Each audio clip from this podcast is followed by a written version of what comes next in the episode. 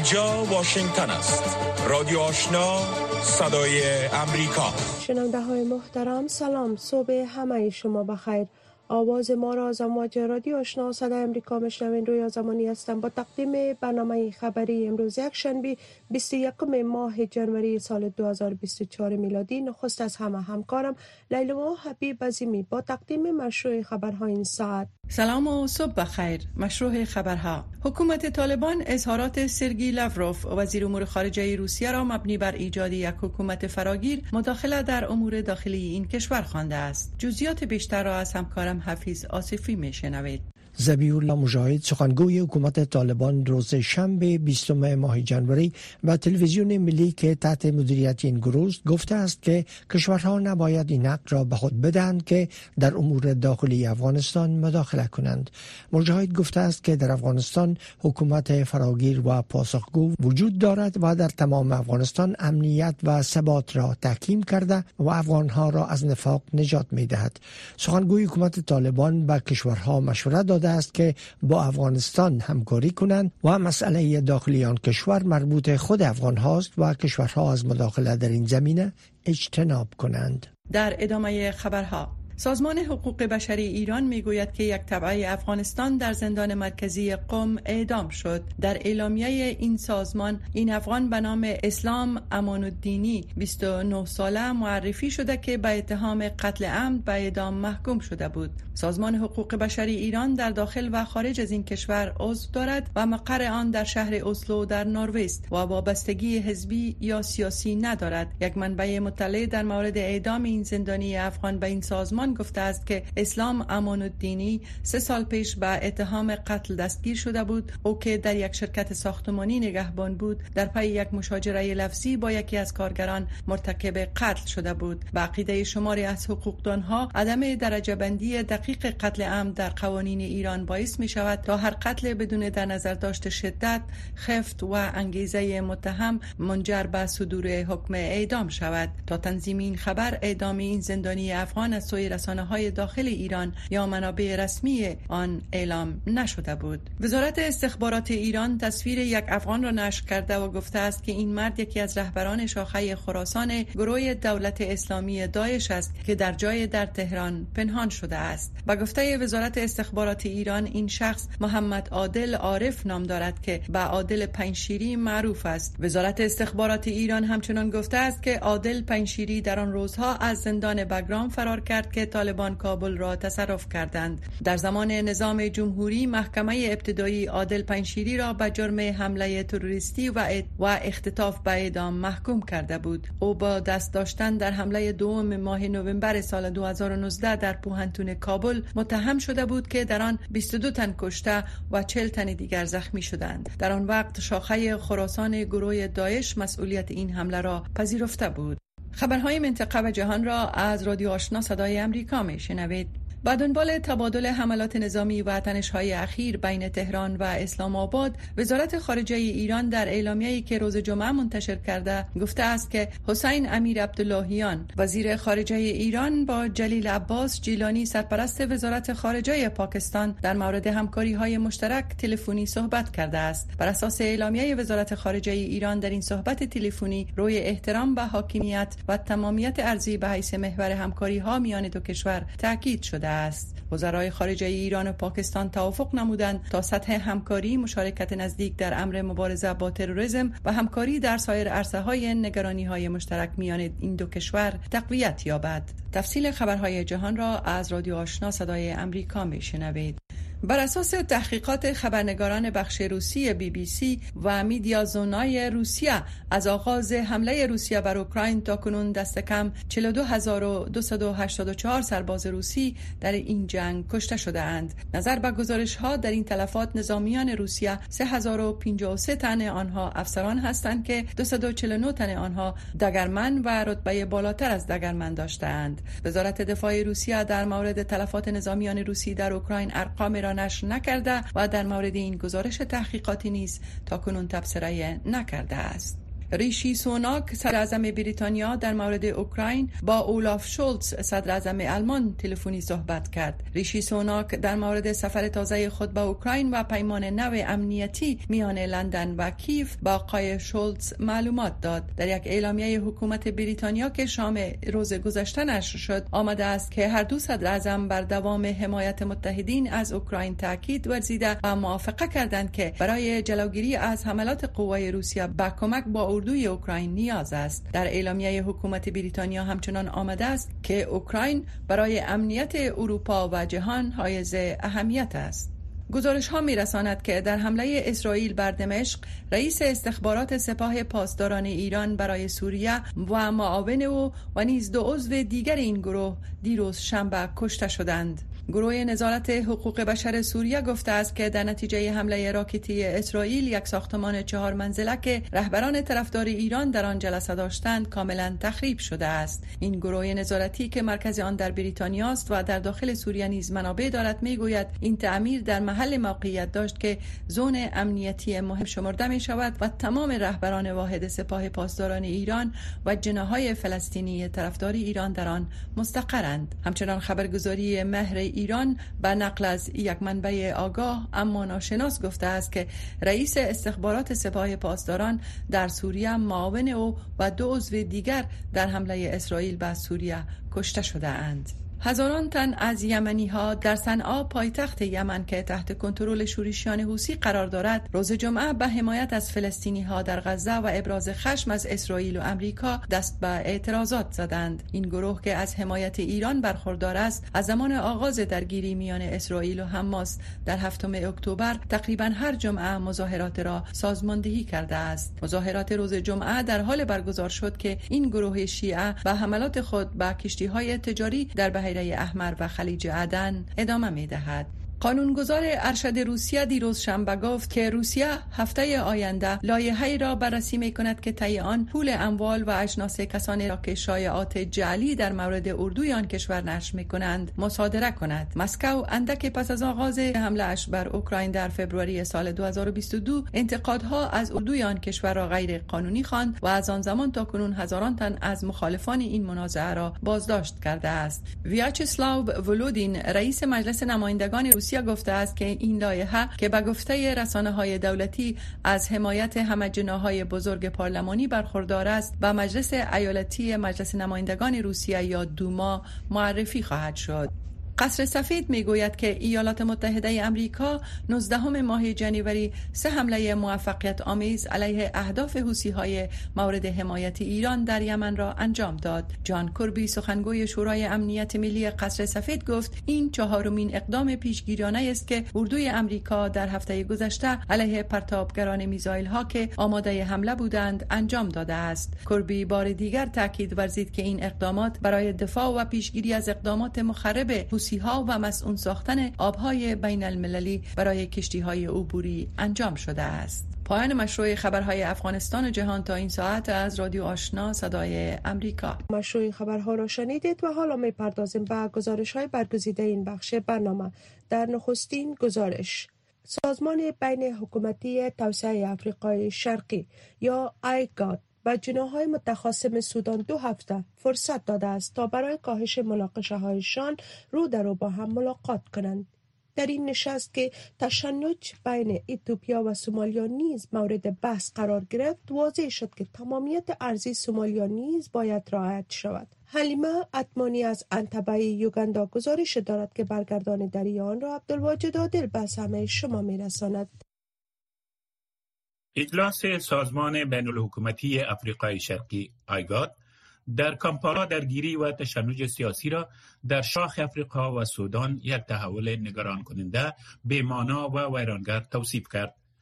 اسماعیل عمر گویله رئیس جمهور جیبوتی همچنین رئیس این سازمان گفت که سران کشورهای این گروه در شرایطی که منطقه با شرایط چالش برانگیز دست و پنجه نرم می کند با درک وخیم بودن وضع دیدار کردند. درگیری در سودان در ماه اپریل بین اردوی ملی به رهبری جنرال عبدالفتاح برهان و جنرال محمد حمدان داگالو از نیروهای حمایت سریع آغاز شد. از آن زمان تا اکنون هفت میلیون از مردم سودان آواره و دوازده هزار نفر کشته شدند. سودان شرکت خود در اجلاس ایگاد در کامپالا را به حالت تعلیق درآورد و این نهاد منطقه‌ای را به نقض حاکمیت خود و ایجاد یک سابقه خطرناک متهم کرد. در قطعنامه که توسط محمود علی یوسف وزیر خارجه جیبوتی قرائت شد سران کشورها از جمله ویلیام روتو رئیس جمهور کینیا و سالوا کیر از سودان جنوبی به همراه نمایندگان اتحادیه اروپا، اتحادیه افریقا و ملل متحد خواسته های خود را به جناهای متخاصم بیان کردند. بر اساس این بیانیه مناقشه باید توسط سودانی ها بدون هیچ گونه مداخله خارجی حل و فصل شود. Emphasize that the Republic of the Sudan does not belong to the. تاکید شود که جمهوری سودان تنها متعلق به طرفهای درگیر نیست بلکه متعلق به مردم سودان است و مجددا خواستار آتش بس فوری و بدون قید و شرط و همچنان توقف درگیری ها برای پایان دادن به این جنگ ناعادلانه شد جنگی که مردم و کشور سودان را تحت تاثیر قرار می‌دهد. ما تعهد طرفهای درگیر را خواهیم و از طرفها می خواهیم ظرف دو هفته با یکدیگر ملاقات کنند. رهبران ایگاد درگیری های مداومی را محکوم کردند زیرا باعث رنج و عذاب شده است و مردم امید خود را از دست می دهند و دولت در شرف فروپاشی است. نیروهای پشتیبانی سریع به طور خاص در دارفور با کشتار دستجمعی و استفاده از تجاوز جنسی به عنوان سلاح جنگی متهم شدند همچنان هر دو طرف به جنایت جنگی متهمند. در همین حال ایگاد نسبت به روابط بین اتیوپیا و سومالیا نیز ابراز نگرانی کرد در اوایل ماه جاری اتیوپیا تفاهمنامه را با سومالیلند منطقه جدا شده از سومالیا امضا کرد که به اتیوپیا اجازه دسترسی به بحر را می دهد. در مقابل اتیوپیا به رسمیت شناختن سومالیلند را به عنوان یک کشور مستقل در نظر خواهد گرفت. ایگاد مجددا تایید کرد که چنین توافق باید با سومالیا نیز صورت گیرد. مایک همر فرستاده خاص ایالات متحده برای شاخ افریقا گفت که ایالات متحده به طور خاص نگران است که این توافق می تواند نبردی را که سومالی ها افریقا و شرکای منطقه‌ای علیه گروه دهشتافکن الشباب انجام می دهند مختل کند. ما قبلا نشانه های نگران کننده ای را دیده ایم که نشان می دهد الشباب از تفاهم نامه برای جذب نیروهای جدید استفاده می کند ما از هر دو طرف می خواهیم از اقدامات تند از جمله مربوط به استقرار نیروهای فیلی اتیوپیا در سومالیا که می تواند فرصت هایی را برای الشباب ایجاد کند تا دامنه خود را در سومالیا و اتیوپیا گسترش دهد خودداری کنند. موسا فاکی محمد رئیس کمیسیون اتحادیه افریقا از سومالیا و اتیوپیا خواست که بدون تأخیر وارد تعامل شوند و گفت که مناقشات زمان دشواری را برای منطقه ایجاد می کند. رادیو آشنا صدای امریکا. پنج تا هفت صبح و هفت شام تا ده شب. تازه ترین خبرها و گزارش ها در ادامه گزارش ها متحدان امریکا در اروپا در حال بحث و گفتگو در مورد چگونگی آماده شدن احتمالی دونالد ترامپ برای دومین دوره ریاست جمهوری هستند. این در حالی است که دونالد ترامپ در اوایل ماه جاری در انتخابات درون حزبی جمهوری خواهان در ایالت اوهایو به پیروزی رسید و جایگاه خود را به عنوان نامزد پیشتاز فیلی برای مقابله با جو بایدن رئیس جمهور فیلی امریکا در انتخابات ماه نوامبر تثبیت کرد. هنری ریچول خبرنگار صدای امریکا از لندن در این مورد گزارش دارد که برگردان آن را از فرخنده پیمانی مشنوید. پیروزی دونالد ترامپ در حزب جمهوری خواه در ایالت آیوا یک زنگ خطری برای متحدین اروپایی امریکا بود. امانوئل مکرون رئیس جمهور فرانسه روز چهارشنبه در پاسخ به پرسش درباره احتمال برنده شدن و بازگشت آقای ترامپ بر ریاست جمهوری امریکا گفت که با هر کسی که در ماه نوامبر انتخاب شود گفتگو خواهد کرد. آنها با ارزش های ما شریک هستند اما این دموکراسی در حال گذر از یک بحران است که اولویت اصلی آن منافع شخصی و دوم مسئله چین است. ما به عنوان اروپایی ها باید در این مورد واضح باشیم. به همین دلیل است که من یک اروپای قوی تر را می خواهم که بتواند از خود دفاع کند و به دیگران وابسته نباشد. آقای مکرون و ترامپ در گذشته روابط ناهمواری داشتند در جریان مبارزات انتخاباتی آیوا در این ماه دونالد ترامپ رئیس جمهور سابق امریکا به نظر می رسید که لحجه رهبر فرانسه را در جریان های مربوط به تعرفه های تجاری و گفتگوهایش به مسخره می گرفت. نه نه خیر شما نمی توانید این کار را بکنید. دونالد شما نمی توانید آن را انجام دهید. این یادآوری سبک غیر متعارف و غیر معمول آقای ترامپ بود اما اروپا دغدغه ها و نگرانی های بزرگتر فراتر از سیاست های شخصیتی دارد. با حمله روسیه به اوکراین کیف نیاز فوری به کمک های نظامی غرب دارد. ترامپ گفته است که به دنبال یک توافق صلح فوری میان اوکراین و روسیه است. طرفداران جمهوری خواهی او در کنگرس حدود 50 میلیارد دلار کمک نظامی به کیف را مسدود می کنند ایالات متحده اندکی کمتر از نیمی از این سهم کمک های غرب را پرداخت می کند اما ایالات متحده در مورد مسائل سیاسی استراتژیک نقش برجسته ای را دارد. بنابراین از دست دادن ایالات متحده به معنای داشتن رئیس جمهوری که ممکن با منافع اوکراین و منافع اروپا مخالف باشد ضربه بزرگی خواهد بود.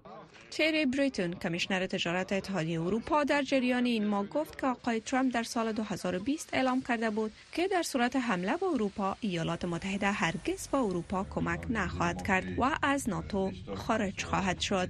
رئیس جمهور سابق ایالات متحده مکررا از متحدان امریکا در ناتو خواسته بود که برای دفاع از خود هزینه بیشتری را به مصرف برسانند. و نظر می رسد که بسیاری از اروپایی ها این پیام را جدی گرفتند ما به ناتوی اروپایی نیاز بیشتری داریم. فکر می کنم امریکایی ها ما را تنها نخواهند گذاشت. اما خوب است که خود را برای شرایطی که باید مسئولیت دفاع از خود را بپذیریم آماده باشیم و فکر می کنم امریکایی ها در این مورد حق دارند. اروپا در حال سرمایه گذاری بیشتری در زمینه دفاعی است. از جمله افزایش تولید و فراهم آوری مهمات و تسلیحات برای اوکراین. اما جایگزینی نقش مرکزی که ایالات متحده در دوران ریاست جمهوری بایدن در مورد اوکراین بر عهده گرفته است زمان بر است و آن چیزی است که اوکراین در اختیار ندارد.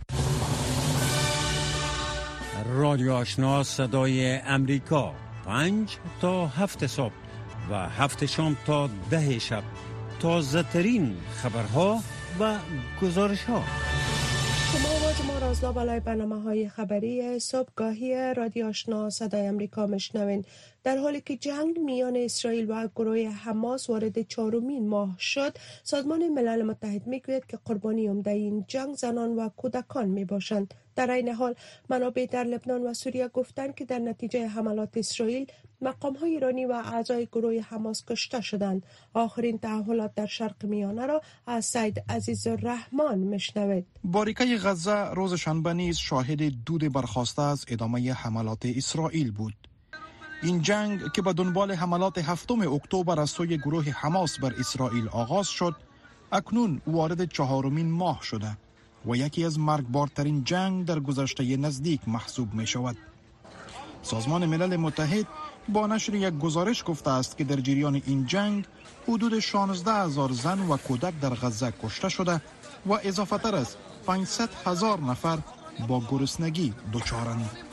قصر سفید می‌گوید که جو بایدن رئیس جمهور ایالات متحده روز جمعه در یک تماس مستقیم با بنیامین نتانیاهو صدر اعظم اسرائیل بار دیگر بر حمایت از تشکیل دو دولت مستقل اسرائیل و فلسطین تاکید کرد. صدر اعظم اسرائیل ضمن تاکید بر احتمال تداوم جنگ می‌گوید او به ایالات متحده گفته است که با حمایت دیرینه واشنگتن از ایجاد دو دولت مستقل مخالف است. ولی جو بایدن می‌گوید که بنیامین نتانیاهو با همه طرحهای دو دولت مستقل مخالف نیست. چندین نوع از راه های حل دو دولت وجود دارد. تعدادی از کشورهای وجود دارند که اعضای ملل متحد هستند ولی اردوی خود را ندارند. بنابراین فکر می کنم راه های وجود دارد که بر اساس آن می توان به این موضوع رسیدگی شود. با ادامه جنگ میان اسرائیل و گروه حماس نگرانی ها مبنی بر گسترش آن در شرق میانه نیز افزایش یافته است. در جریان یک هفته ایالات متحده برای ششمین بار مواضع گروه حوسی را در یمن هدف قرار داد. همزمان با آغاز جنگ در غزه حوسی های یمن امنیت دریای سرخ را مختل کرده اند آنها یعنی وزارت دفاع ایالات متحده به این باورند که حملات ما تاثیرات خوب در کاهش قابلیت های حوسی داشته است. ولی طوری که رئیس جمهور دیروز اشاره کرد حوسی ها هنوز هم بعضی از توانمندی های تهاجمی را دارند و ما به برداشتن آن اقدامات ادامه خواهیم داد که به باور ما به خاطر دفاع از خود به آن نیاز داریم. ایالات متحده حوسی های یمن را یک گروه نیابتی ایران تلقی می کند و خبرگزاری رویترز روز شنبه به قول از چهار منبع منطقوی و دو منبع ایرانی گزارش داد که قماندانان سپاه پاسداران و حزب الله لبنان در یمن عملا گروه حوسی را در انجام حملات رهنمایی می کنند. در عین حال رسانه های دولتی ایران و سوریه روز شنبه گزارش دادند که در نتیجه یک حمله اسرائیل در پایتخت سوریه چهار تن از مشاورین ایرانی کشته شدند. اسرائیل تا زمان تهیه این گزارش در مورد این حمله ابراز نظر نکرده است. در جریان هفته های اخیر مناطق شمالی اسرائیل و مرتفعات اشغال شده گولان شاهد حملات راکیتی از قلمرو سوریه بوده اند. رادیو آشنا صدای امریکا. پنج تا هفت صبح و هفت شام تا ده شب. تازه ترین خبرها و گزارش ها شنونده های محترم شما آواز ما را از برنامه های صبحگاهی خبری رادیو آشنا صدای امریکا میشنوین و تشکر از اینکه شنونده برنامه های ما هستین. فشارها بر اسرائیل و متحد اصلی آن ایالات متحده امریکا در حال افزایش یافته است که مسئولین کمک های بشر دوستانه می‌گویند که سیستم صحی در غزه در زیر بار ده ها هزار تلفات ناشی از جنگ در حال سقوط است. از سوی هم پارلمان اتحادیه اروپا قطنامه را به منظور آتش بس در غزه تصویب کرده است. گزارش صدای امریکا را در این مورد از مرویات زمانی مشنوید حمایت ایالات متحده از اسرائیل در حال عکس های جهانی را در پی داشته است که اسرائیل به عملیات خود برای از بین بردن حماس ادامه می دهد. پارلمان اروپا روز پنجشنبه براحتی قطنامه ای را تصویب کرد این قطنامه به شرط خواستار آتش بس دائمی شده که گروه حماس نابود شود و گروگان های محبوس نزد آن گروه آزاد گردد. رایگیری اکنون آغاز شد. رایگیری پایان یافت. تصویب شد. بایدن که در برابر تقاضاهای آتش بس مقاومت کرده گفته است که راه طولانی را در این منازعه در پیش دارند. این در حال است که رئیس جمهور اسرائیل اعتراف کرد که این عملیات دو میلیون تن در غزه را شدیدن تحت تاثیر قرار داده است. اما وی افزود که اسرائیل چاره جز ادامه جنگ ندارد. من از تراژدی انسانی در غزه شرمناک نیستم و شما می‌خواهید چیز بدانید؟ ما متوجه هستیم. برای ما در داور است که همسایگان ما رنج زیادی را متحمل می شوند اما اگر دشمنان ما مصممند که خود را در زیر بناهای دهشت به مقیاس باور نکردنی جا دهند ما چگونه می توانیم از خود دفاع کنیم؟ تحلیلگران از سوی هم می‌گویند که حمایت واشنگتن از عملیات اسرائیل که باعث کشته شدن ده ها هزار تن شده است کاملا با کاهش حمایت های جهانی روبرو شده است. امروز ایالات متحده به دلیل مسئله غزه در سازمان ملل متحد در مجمع عمومی حتی بیشتر از روسیه که در دو سال قبل بود در انزوا قرار دارد. این امر تلاش های ایالات متحده در مناطق دیگر را با چالش ها مواجه ساخته است. مانند تلاش این کشور برای انسجام متحدان دیرینه به منظور هدف قرار دادن حوسی های یمن که بر کشتی های تجاری در بحیره سرخ حمله می کنند. تنها کشور بزرگی که در اطلاف با ایالات متحده باقی ماند بریتانیا بود. کشورهای دیگر مانند فرانسه، اسپانیا، ایتالیا کنار رفتند و این وضعیت یک بار دیگر نشان می دهد که نفوذ امریکا برای متقاعد کردن سایر کشورها چقدر ضعیف شده است. آن هم به دلیل اختلاف نظرهای عمیق سیاستی که اکنون بین ایالات متحده و برخی از نزدیکترین متحدانش وجود دارد. و این امر باعث جسارت آنهایی شده است. که مدت ها سلطه و قدرت ایالات متحده شکایت داشتند. مثل افریقای جنوبی که در اوایل ماه جاری از اسرائیل به دلیل نسل کشی در محکمه بین المللی عدالت شکایت کرد. آنهایی که نهادهای بین المللی را از نزدیک زیر نظر دارند مثل انجالا دایل استاد دانشگاه فورد هام به این نظر هستند که تمایل مستمر ایالات متحده برای حفاظت اسرائیل در این مقطع زمانی نشان دهنده این مطلب است که ایالات متحده امریکا در واقع می خواهد این نهادها را مشروعیت زدایی کند و اساسا بگوید که این نهادها چیز بیشتری از یک وسیله سیاست قدرت های بزرگ نمی باشند. رادیو آشنا صدای امریکا منبع موثق خبرها و گزارش های جهان و افغانستان. در آخرین گزارش این بخش برنامه. ملیحه لودی سفیر پیشین پاکستان در ایالات متحده در پیوند به تنش اخیر بین پاکستان و ایران گفت که دو کشور تمایل به تشدید تنش ندارند و باید با درک وضعیت در شرق میانه و بحرانهای مختلف در جهان از طریق گفتگو اختلافاتشان را حل کنند. خانم لودی در مصاحبه با محمد احمدی گفت که حمله نظامی ایران و پاکستان بر یکدیگر باعث گردید که روابط نیک قبلی در یک سطح تاریخی پایان بیاید. توجه شما را به این مصاحبه جلب می‌کنیم. به نظر شما آینده روابط پاکستان و ایران بعد از این تنش اخیر بین دو کشور چگونه خواهد بود و چقدر این تنش بر منطقه تاثیر خواهد گذاشت؟ پاکستان و ایران از لحاظ تاریخی پیوندهای خیلی نزدیک داشتند و این دوستی بین دو کشور عمیق بوده است. اما این حمله هوایی ایران بر قلمرو پاکستان باعث تعجب خیلی بزرگ برای اسلام آباد بود. زیرا یک روز قبل این حمله یک هیئت ایرانی عالی رتبه در اسلام آباد بود و ایران و پاکستان همچنین در یک مشق نظامی مشترک شرکت داشتند. همچنین به تازگی در ماهای اخیر روابط بین دو کشور واقعا با پیشرفت در روابط رو رشد تجارتی بهبود یافته بود.